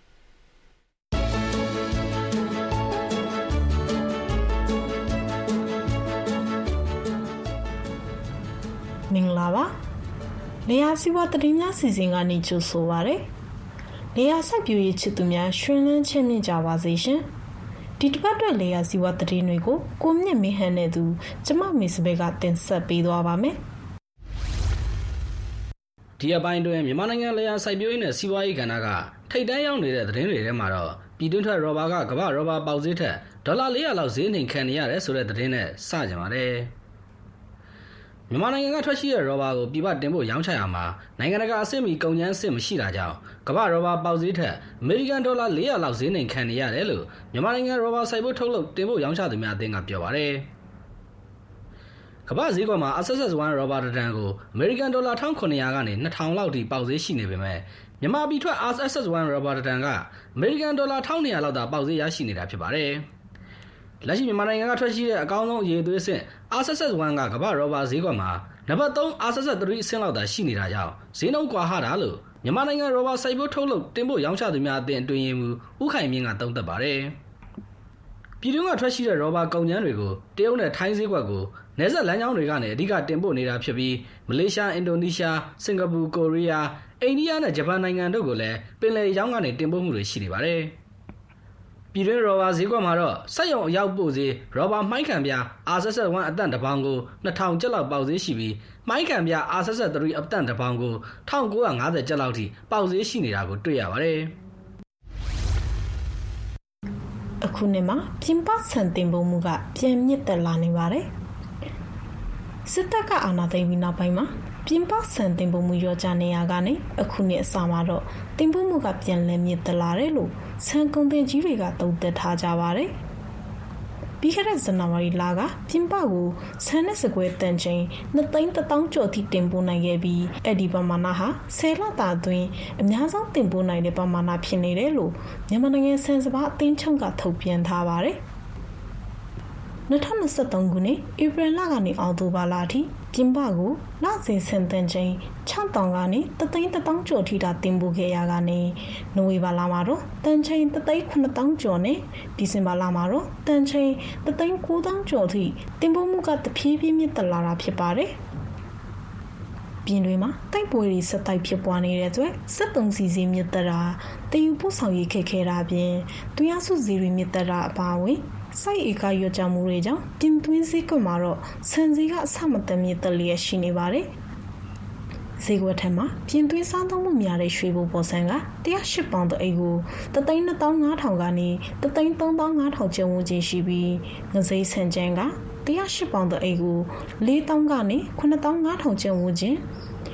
အီယာမင်းဆန်ကတအိတ်ကို3,300ကျပ်နဲ့အီယာပဒေတာဆန်ကတအိမ်ကို တသိန်း9000ကျော်အတီးတီးပေါက်ဈေးရှိနေပါတယ်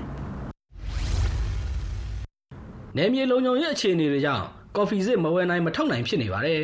။မြမကော်ဖီကိုပြည်ပနိုင်ငံတွေကနေဝယ်ယူဖို့ကမ်းလှမ်းထားကြပေမဲ့နယ်မြေလုံခြုံရေးအခြေအနေတွေကြောင့်ကော်ဖီစစ်ကွင်းစင်းဝယ်ယူဖို့ခက်ခဲနေသလိုပြည်ပတင်ပို့မှုမှာလည်းအခက်အခဲတွေနဲ့ရင်ဆိုင်နေရတယ်လို့ကော်ဖီဆိုင်တောင်သူတွေနဲ့တင်ပို့ရောင်းချသူတွေကပြောပါတယ်။ကော်ဖီအများဆုံးစိုက်ပျိုးရာဒေသတွေဖြစ်တဲ့ ပြည်ဦးလွင်မြို့နယ်နဲ့ချင်းပြည်နယ်ရှမ်းပြည်နယ်အတွင်းကနေရာဒေသအများစုမှာတိုက်ပွဲတွေဖြစ်ပွားနေတာကြောင့်ကော်ဖီသီးခူးစုဖို့အခက်အခဲတွေရှိနေတာပါ။ဘယ်လိုလဲဒီမှာတော့ဘာကြီးကဝယ်တော့ရက်ထားတာပေါ့ဟိုဟိုကစာကန်တစ်ခုပဲကျန်တော့တယ်မှန်လို့ဘာမှလို့မရဘူးကွာပြီးတော့ပြီးဟိုဘယ်လိုကောင်းလဲအဝယ်ကူရက်ထားတွေ့နေရတယ်ကွာဟိုဘယ်လိုကောင်းလဲဟိုအချင်းချင်းကောင်းတော့အဲ့ဒါကြောင့်ဘယ်လိုဘောတော့ကော်ဖီထုတ်နေရဖြစ်နေတာပေါ့နော်အချင်းချင်းကောင်းတော့ဟိုဒီမော်နိုင်ထုတ်နေဖြစ်နေတာပေါ့ကျိုးတွေကတွေမှာလုပ်နေရတာပေါ့နော်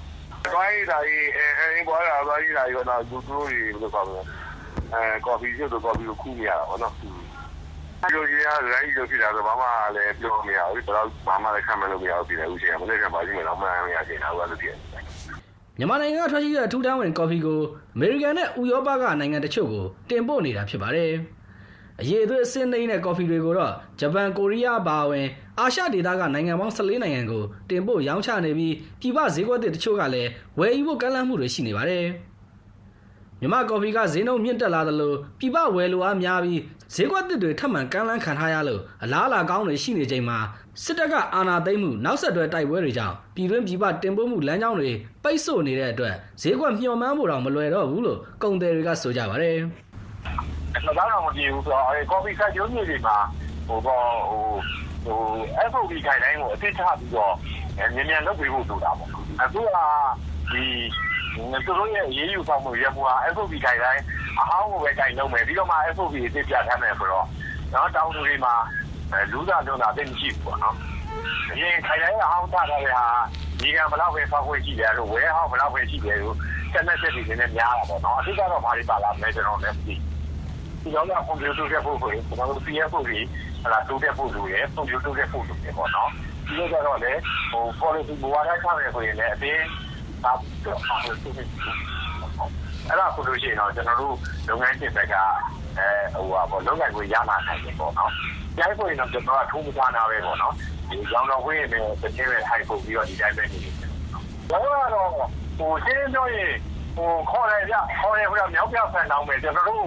ဗန်းကြလာပဲဟိုရှင်းပြောရင်ဟလာဟိုပြီးသွားရေးတော့ပြီးသွားရေးလုံးလုံးဘဝကတော့ ငါတို့ ချကြရကြမယ်ဆိုပြီးတော့အငြင်းကြီး မထိဘူးနဲ့အဲ့ဒီကော်ဖီပြင်းအရွက် မထိဘူးပဲတဲ့ လူတွေကအဲ့ဒီလောက်တဲ့ပုံစံမျိုးကတော့အခင်မကြည့်ဘူးဗျအဲဟိုလုံးလက်စွာတီးပြသူတွေခွင့်ဆိုတာလည်း လိုတာပေါ့အဲတချို့နေရာတွေကျတော့ကျွန်တော်တို့ကတုံ့နှောင်တာတော့ ဘာမှလုပ်လို့မရဘူး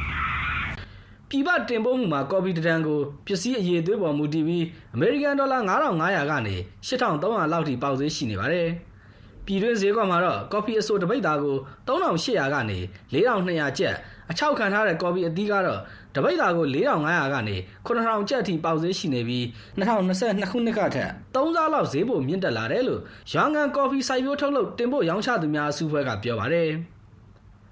ကော်ဖီကိုကုန်ချောအဖြစ်ထုတ်လုပ်ဖို့ဤပညာပိုင်းရောဈေးကွက်ပါရှိနေပေမဲ့သက်ဆိုင်ရာဝန်ကြီးဌာနတွေကမလိုအပ်တဲ့မူဝါဒတွေကိုချမှတ်ပိတ်ပင်ထားတာကြောင့်ကုန်ကျန်းအဆင့်နဲ့ပဲတင်ပို့နေရတာလို့ကုန်သည်တွေကဝေဖန်ထောက်ပြထားပါတယ်အခုစပီဖေဖော်ဝါရီလ9ရက်နေ့ကနေဖေဖော်ဝါရီလ23ရက်နေ့ထိဈေးကွက်တွင်တဲကြနိုင်ပြီဖြစ်သွားတယ်။လေယာထွက်ကုန်ဒီနံဈေးနှုန်းတွေကိုပြောပြပေးချင်ပါတယ်။ပဲစင်ကောင်ကတော့အိန္ဒိယဘက်ကအဝယ်လိုက်နေတာကြောင့် ဈေးနှုန်းကဆက်တိုက်မြင့်တက်နေတယ်လို့ကုန်သည်တွေကပြောပါတယ်။မန္တလေးကုန်စည်တိုင်းမှာဖေဖော်ဝါရီပထမပတ်ကပဲစင်ကုန်ရဲ့အာစီတတန်ကို38သိန်းနဲ့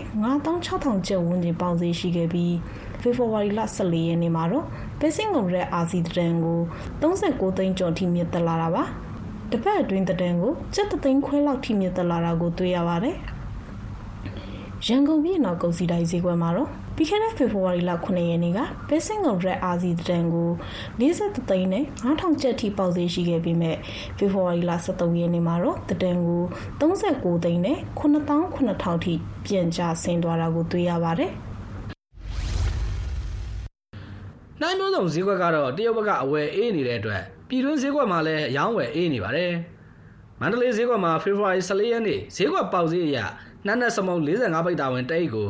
ငွေကျပ်3,600ကနေ3,900ကြားပေါက်ဈေးရှိနေပြီးနှမ်းဖြူဂျပန်က4သိန်းကျပ်နှမ်းဖြူရိုးရိုးက3,500ကနေ4သိန်းကျပ်ကြားနှမ်းညိုကတအိတ်ကို3,100ကျပ်အတိအသီးပေါက်ဈေးရှိနေပါတယ်ပြီးခဲ့တဲ့အပတ်ကရောင်းဝယ်ဖြစ်ခဲ့တဲ့ဈေးတွေနဲ့နှိုင်းယှဉ်ရင်နှမ်း45ပိတ်တာဝင်တအိတ်ကိုကျပ်9000ကနေ1000ကျော်အထိမြင့်တက်လာတာကိုတွေ့ရပါတယ်။ ကမ္ဘာပြောင်းဈေးကွက်နဲ့အိန္ဒိချင်းထိုင်းနိုင်ငံမှာပါပြောင်းဈေးတွေကျဆင်းနေတဲ့အတွက်ပြင်သွင်းပြောင်းဈေးကွက်မှာလည်းအယောင်းဝယ်အေးနေတယ်လို့ကုန်သည်တွေကပြောပါတယ်။ထိုင်းနိုင်ငံမှာရှိတဲ့အစားဆက်စက်ရုံတွေအနေနဲ့နေစဉ်ပြောင်းတန်ချိန်3တန်းကျော်ဝယ်ယူလေးရှိပါတယ်။ထိုင်းနိုင်ငံရဲ့အကောက်ခွန်မဲ့ပြောင်းတင်သွင်းခွင့်ကဖေဖော်ဝါရီလတရက်နေ့ကစတင်ခွင့်ပြုလိုက်ပြီးဖြစ်တာကြောင့်မကြခင်မှာဝယ်လူအားမြင့်တက်လာပြီးဈေးကောင်းလေးရရှိလာမယ်လို့ကုန်သည်တွေကခန့်မှန်းထားကြပါတယ်။ လက်ရှိရန်ကုန်ဈေးကွက်မှာတော့ပြောင်းတပိတ်တာကို1150ကျပ်ကနေ1180ကျပ်အထိပေါက်စီရှိနေပါတယ်။အခုတင်ဆက်ပေးထားတဲ့ဒီနယ်ဈေးနှုန်းတွေကအချိန်နဲ့မျှပြောင်းလဲမှုတွေရှိနိုင်ပါတယ်ရှင်။သတင်းမှန်တွေရဖို့အရေးကြီးတဲ့ဒီကနေ့ခေတ်မှာကမ္ဘာကြီးရဲ့ဘယ်ရက်ဒေသမှာပဲရောက်နေပါစေခလုတ်တစ်ချက်နှိပ်လိုက်ရုံနဲ့သတင်းမှန်တွေရယူနိုင်ပါပြီ။လက်ပြားလေးနဲ့တစ်ချက်တောက်ရုံနဲ့ရယူနိုင်မဲ့သတင်းတွေနိုင်ငံရေးဖြစ်စဉ်တွေတကယ့်ဘဝဇက်လန်းတွေ one click ခလုတ်တစ်ချက်နှိပ်ရုံနဲ့ကမ္ဘာရဲ့ရက်ကအတန်တွေကိုချိတ်ဆက်နားဆင်နိုင်မှာဖြစ်ပါတယ်။ဘယ်ချိန်ဘယ်နေရာကပဲဖြစ်ဖြစ် VOA Plus application ကို download ရယူပါ။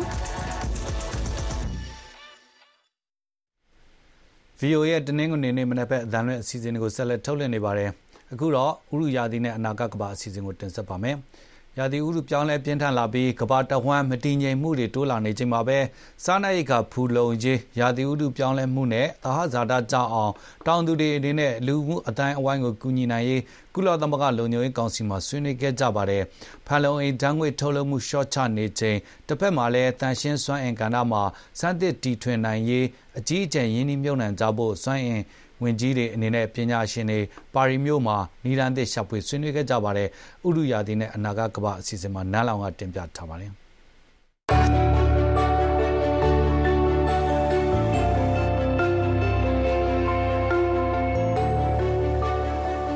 ဥရုရာသီပြောင်းလဲမှုပိုပြီးတော့ပြင်းထန်လာချိန်မှာပဲနိုင်ငံရေးစစ်ရေးပဋိပက္ခတွေတိုးလာနေတာကြောင့်ဒီကနေ့ကဘာကြီးမှာစားနပ်ရိက္ခာတွေရှားပါလာတယ်လို့ကုလသမဂ္ဂအတွင်းရေးမှူးချုပ်ကသတိပေးလိုက်ပါတယ်။ ဥမတောက်မှတီလာဆောင်မယ်ဆိုတဲ့စကားလိုပဲဟာနေတဲ့အဝမ်းကြောင့်လူတွေပိုးပြီးတော့ဒေါသဖြစ်လာကြတဲ့အတွက်နိုင်ငံတည်ငြိမ်အေးချမ်းရေးကိုပါထိခိုက်လာစေတယ်လို့အတွင်းရေးမှူးချုပ်ကနယူးယောက်မြို့ကုလသမဂ္ဂလုံခြုံရေးကောင်စီမှာဖေဖော်ဝါရီလ23ရက်နေ့ကအခုလိုတင်ပြခဲ့တာပါ။ I am dismayed to say that our world today is teeming with examples of the devastating ကမ္ဘာစားနပ်ရိက္ခာအကျက်တဲဆိုက်လာစေတဲ့တွန်းအားနှစ်ရပ်ကတော့ရာသီဥတုနဲ့ပဋိပက္ခတွေပဲဖြစ်ပါတယ်။ စစ်ပွဲတွေအရှိန်မြင့်လာတဲ့အခါဆာလောင်ငတ်မွတ်မှုတွေတိုးလာပါတယ်။လူတွေနေရပြောင်းရတာကြောင့်ပဲဖြစ်ဖြစ်စိုက်ပျိုးရေးလုပ်ငန်းထိခိုက်ပျက်စီးရလို့ပဲဖြစ်ဖြစ်အခြေခံအဆောက်အုံတွေပျက်စီးရလို့ပဲဖြစ်ဖြစ်ဒါမှမဟုတ်မူဝါဒကြောင့်ပဲဖြစ်ဖြစ်စားနပ်ရိက္ခာတွေရှားပါလာရပါတယ်။ကုလလုံခြုံရေးကောင်စီမှာဥတုရာသီပြောင်းလဲမှုနဲ့လုံခြုံရေးကိစ္စကိုအလေးထားဆွေးနွေးခဲ့တာပါ။ ဥတုရာသီပြောင်းလဲမှုနဲ့အဆိုးဆုံးရင်ဆိုင်နေရတဲ့နိုင်ငံ14နိုင်ငံတို့မှာပဋိပက္ခတွေနဲ့ပါရင်ဆိုင်နေရတယ်လို့လည်းအတွင်းရေးမှူးချုပ်ကပြောပါတယ်။ A global food crisis is creating a hellscape of hunger and ကမ္ဘာစားနပ်ရိက္ခာအကျက်တဲဟာကမ္ဘာအစင်းရဲဆုံးဆိုတဲ့လူများစွာအတွက်တော့ငရဲပုံကြီးပါပဲ။ရာသီဥတုဆိုင်ရာအကျက်တဲတွေကလည်းလူအသက်သေးစီလောက်တဲ့စွမ်းအားတွေနဲ့အရှိန်မြင့်လာနေပါတယ်။မနှစ်ကတော့တမိုင်းမှာအပူဆုံးနှစ်ဖြစ်ခဲ့ပါတယ်။ ဒီအချက်နှစ်ချက်စလုံးဟာငြိမ်းချမ်းရေးကိုထိခိုက်စေပါတယ်။ဆာလောင်မှုတွေကစူပူအုံကြွမှုတွေဖြစ်လာစေတဲ့တွန်းအားလည်းဖြစ်ပါတယ်။ဂါဇာဒေသကစစ်ပွဲမှာလူပေါင်း9သိန်းလောက်ဆာလောင်ငတ်မို့ကြရပြီးဆီးရီးယားမှာလည်းစနစ်ကျော်စစ်ပွဲကြောင့်လူ73တန်းလောက်အစာရေစာမလုံမလောက်ဖြစ်နေရသလိုမြန်မာနိုင်ငံမှာဆိုရင်လည်းပြည်တွင်းမတည်ငြိမ်မှုတွေကြောင့်ငတ်မမှုဘေးကပြန်ပြီးတော့ကောင်းထောင်လာတယ်လို့ကုလသမဂ္ဂအတွင်းမှုချုပ်ကပြောပါတယ်။ နိုင်ငံတကာငြိမ်းချမ်းရေးနဲ့လုံခြုံရေးအတွက်ချိန်ချောက်မှုတွေဖြစ်လာနေတာကိုရှောင်ရှားဖို့ ပဋိပက္ခတွေ ဥတုရာသီနဲ့ စာနာရိတ်ခါရှားပါမှုကြား ဆက်ဆက်မှုတွေကို ဖယ်ရှားနိုင်ရေး ဝိုင်းဝန်းဆောင်ရွက်မှာဖြစ်တော်မယ်လို့လည်း အတွင်းမှုချုပ်က ထောက်ပြသွားပါတယ်။2023ကမ္ဘာစာနာရိတ်ခါဆိုင်ရာ အစီရင်ခံစာအရ ကမ္ဘာမှာ စာနာရိတ်ခါရှားပါပြီးတော့ဆာလောင်ငတ်မမှုတိုးလာစေတဲ့အတိကမောင်းနှင်အားနည်းကတော့ဥဒုရာသီပြောင်းလဲမှုနဲ့ နိုင်ငံရေးမတည်ငြိမ်မှုတွေကြောင့်ဖြစ်တယ်လို့လည်း ဖော်ပြထားပါတယ်။ ကုလသမဂ္ဂရဲ့ဥတုရာသီရေးရာဌာန UNFCCC ရဲ့အကြီးအကဲ Simon Still ကလည်းအခုလိုတင်ပြသွားပါတယ်။ Climate change is contributing to food insecurity and to conflict. ရာသီဥတုပေါက်ပြန်မှုဟာစားနပ်ရိက္ခာရှားပါမှုနဲ့ပဋိပက္ခတွေပေါ်ပေါက်စေပါတယ်။ဖန်လုံအိမ်ဓာတ်ငွေ့ထုတ်လုပ်မှုလျှော့ချဖို့ပြောင်းလဲလာတဲ့ရာသီဥတုနဲ့တဟဇာတာကြောက်အောင်အရှိန်အဟုန်နဲ့စင်ဆက်မပြတ်ဆောင်ရွက်ဖို့လည်းလိုပါတယ်။ ကမ္ဘာမှာ အပူချိန်မြင့်တက်မှုလည်းတိတ်ကိုမြန်ဆန်လာပါတယ်။မိုးရွာသွန်းမှုပုံစံတွေလည်း ပြောင်းလဲလာပြီး မုန်တိုင်းတွေလည်း ပိုမိုအားကောင်းလာတဲ့အတွက် ဆုံးရှုံးပျက်စီးမှု ပိုများလာပါတယ်။ရာသီဥတုပြောင်းလဲမှုကြောင့် မဟုတ်ဘဲ စားနပ်ရိက္ခာထုတ်လုပ်မှုတွေ ကျဆင်းလာနေတယ်လို့ IPCC က ပြောပါတယ်။ တိတ်မွေးတော့တဲ့အနာဂတ်မှာ စားနပ်ရိက္ခာအဓိက ထုတ်လုပ်နိုင်တဲ့နိုင်ငံတွေက စိုက်ပျိုးထွက်ကုန်တွေ ကျဆင်းလာမှာဖြစ်တဲ့အတွက် ရိက္ခာထောက်ပံ့မှုတွေလည်း ကျဆင်းလာနိုင်ခြေရှိနေပါတယ်။တိုင်းသူပြည်သားတွေရဲ့ လူမှုဘဝကို အကာအကွယ်ပေးနိုင်ဖို့ National Climate Adaptation Plan ဆိုတဲ့ ဥတုရာသီပြောင်းလဲမှုနဲ့ လိုက်လျောညီထွေဖြစ်စေမယ့် အစီအစဉ်ကို နိုင်ငံတိုင်း အကောင့်ထဲပေါ်ဖို့လိုတယ်လို့လည်း ထောက်ပြသွားပါတယ်။ FAO ရဲ့အဆိုအရ နိုင်ငံပေါင်း58နိုင်ငံက လူပေါင်း158တန်းတို့ အစာရေစာ မလုံလောက်မှုနဲ့ ဆိုးဝါးစွာကြုံနေရပြီး သုံးပုံနှစ်ပုံဖြစ်တဲ့184တန်းတို့ကတော့ ဥတုရာသီပြောင်းလဲမှုနဲ့ ပဋိပက္ခတွေကြောင့် ဆာလောင်မှုတွေနဲ့ ကြုံနေကြရတာပါ။ ကုလလုံခြုံရေးကောင်စီမှာဥတုရာသီပြောင်းလဲမှုကြောင့်စာနာရိတ်ခါရှားပါမှုကိုအပြေရှားနေချိန်မှာပဲစွမ်းအင်နဲ့ရာသီဥတုဆိုင်ရာဝန်ကြီးအယောက်30ကျော်တို့ကလည်းကာဗွန်ဓာတ်ငွေ့လျှော့ချနေချိန်ဤပညာသင်တဲ့စွမ်းအင်ထုတ်လုပ်နိုင်ရေးပြင်သစ်နိုင်ငံပါရီမြို့မှာဆွေးနွေးခဲ့ကြပါတယ်။အမေရိကန်ဥတုရာသီရေးရာအထူးကိုယ်စားလှယ်ဂျွန်ကယ်ရီကတော့ကမ္ဘာအပူချိန်တက်စေတဲ့ကာဗွန်ထုတ်လုပ်မှုကျဆင်းလာမယ်လို့ယုံကြည်ကြောင်းအခုလိုပြောဆိုသွားပါတယ်။ I'm I'm uh, totally convinced now that we will get to a low carbon no carbon economy there is no way no matter who is elected ကာဗွန်ဓာတ်ငွေ့ထုတ်လုပ်မှုကျဆင်းလိမ့်မယ်ကာဗွန်ထုတ်လုပ်မှုကင်းတဲ့စီးပွားရေးလောကဖြစ်လာမယ်ဆိုတာကျွန်တော်ကျွမ်းမဲ့ယုံကြည်ပါတယ်ကမ္ဘာဘယ်ဒေသမှာဘယ်သူပဲကြွေးကောက်ခံရသည်ဖြစ်စေကာဗွန်ထုတ်လုပ်မှုကတော့ကျဆင်းလာမှာပါဈေးကွက်အပြောင်းလဲတွေကိုဗန်နိုင်းဝင်ကြီးပဲဖြစ်ဖြစ်ဝင်ကြီးချုပ်ပဲဖြစ်ဖြစ်တပရကပဲဖြစ်ဖြစ်ဘယ်နိုင်ငံရေးသမားကမှကြောင်းပြလို့မရပါဘူး အစည်းအဝေးကိုတက်ရောက်လာကြတဲ့သက်ဆိုင်ရာဝန်ကြီးတွေကလည်းတန်ရှင်စွမ်းအင်ကဏ္ဍမှာအကြီးအကျယ်ရင်းနှီးမြှုပ်နှံသွားမယ်လို့အခိုင်အမာကတိပြုပြောဆိုခဲ့တာပါမစ္စတာဂယ်ရီကတော့ကမ္ဘာပူနွေးမှုအကျိုးဆက်ကြောင့်ပေါ်ပေါက်လာတဲ့အဆိုးဆုံးအခြေအနေတွေကိုရှောင်ရှားနိုင်လောက်အောင်အခုလိုအာတုံခွန်ဆိုင်ကြိုးပမ်းမှုတွေနဲ့အပြောင်းလဲတွေအချိန်မီပါမလားဆိုတာကိုတော့မေခွန်းထုတ်ဆရာရှိပါတယ်လို့လည်းထောက်ပြပြောဆိုသွားခဲ့ပါတယ်။ကျမနန်းလောက်ပါ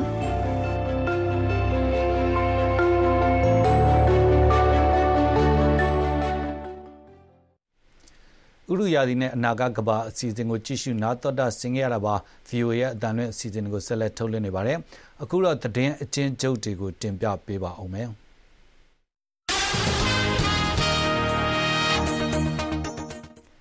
ဂျာမနီနိုင်ငံမြူးနစ်မြို့မှာ၃ရက်ကြာကျင်းပနေတဲ့အကြိမ်60မြောက်မြူးနစ်လုံခြုံရေးညီလာခံမှာစနေနေ့ကမြန်မာအရေးတက်ရောက်ဆွေးနွေးခဲ့တဲ့ NUG နိုင်ငံသားရေးဝန်ကြီးဒေါ်စင်မအောင်က မြန်မာနိုင်ငံမှာ စစ်တပ်အာဏာသိမ်းမှုကို ပြည်သူတွေ မလိုလားတဲ့အတွက် ခုခံတော်လှန်နေကြတာဖြစ်ကြောင်း ပြောကြားလိုက်ပါတယ်။2021ခုနှစ် စစ်တပ်အာဏာသိမ်းတာကို ဒီတစ်ခါ တော်လှန်တိုက်ခိုက်မှုဟာ အထူးသဖြင့်တော့ လူငယ်တွေ အမျိုးသမီးတွေ ပါလာတာ ထူးခြားသလို မြို့နယ်ကျေးလက်နေတောရနေ ပြည်သူတွေ လူဒန်းစားမျိုးစုံ ပါဝင်လာတာဖြစ်ကြောင်း ပြောကြားခဲ့ပါတယ်။စစ်တွေမျိုးအခြေဆိုင် Western News သတင်းဌာနရဲ့ သတင်းတောက် ဖိုးတီဟာခေါ် ကိုမြတ်ထွန်း ကိုမြတ်သူထွန်းအသက်ခံရလို့တေဆုံးသွားတဲ့ဖြစ်ရနဲ့ DVB သတင်းဌာနအတွက်လည်းသတင်းပေးဖို့ပေးနေတဲ့ကိုမြတ်သူထွန်းကိုရခိုင်ပြည်နယ်မြောက်ဦးမြို့မှာစစ်တပ်ကဖမ်းဆီးထားတဲ့တေဆုံးခဲ့တဲ့ကိစ္စတွေနဲ့ပတ်သက်ပြီးကျူးလွန်နေသူတွေကိုကျူးလွန်ခဲ့သူတွေကိုစုံစမ်းဖော်ထုတ်အရေးယူပေးဖို့ CPJ ကောသတင်းသမားများကာကွယ်ရေးအဖွဲ့ကတောင်းဆိုထားပါတယ်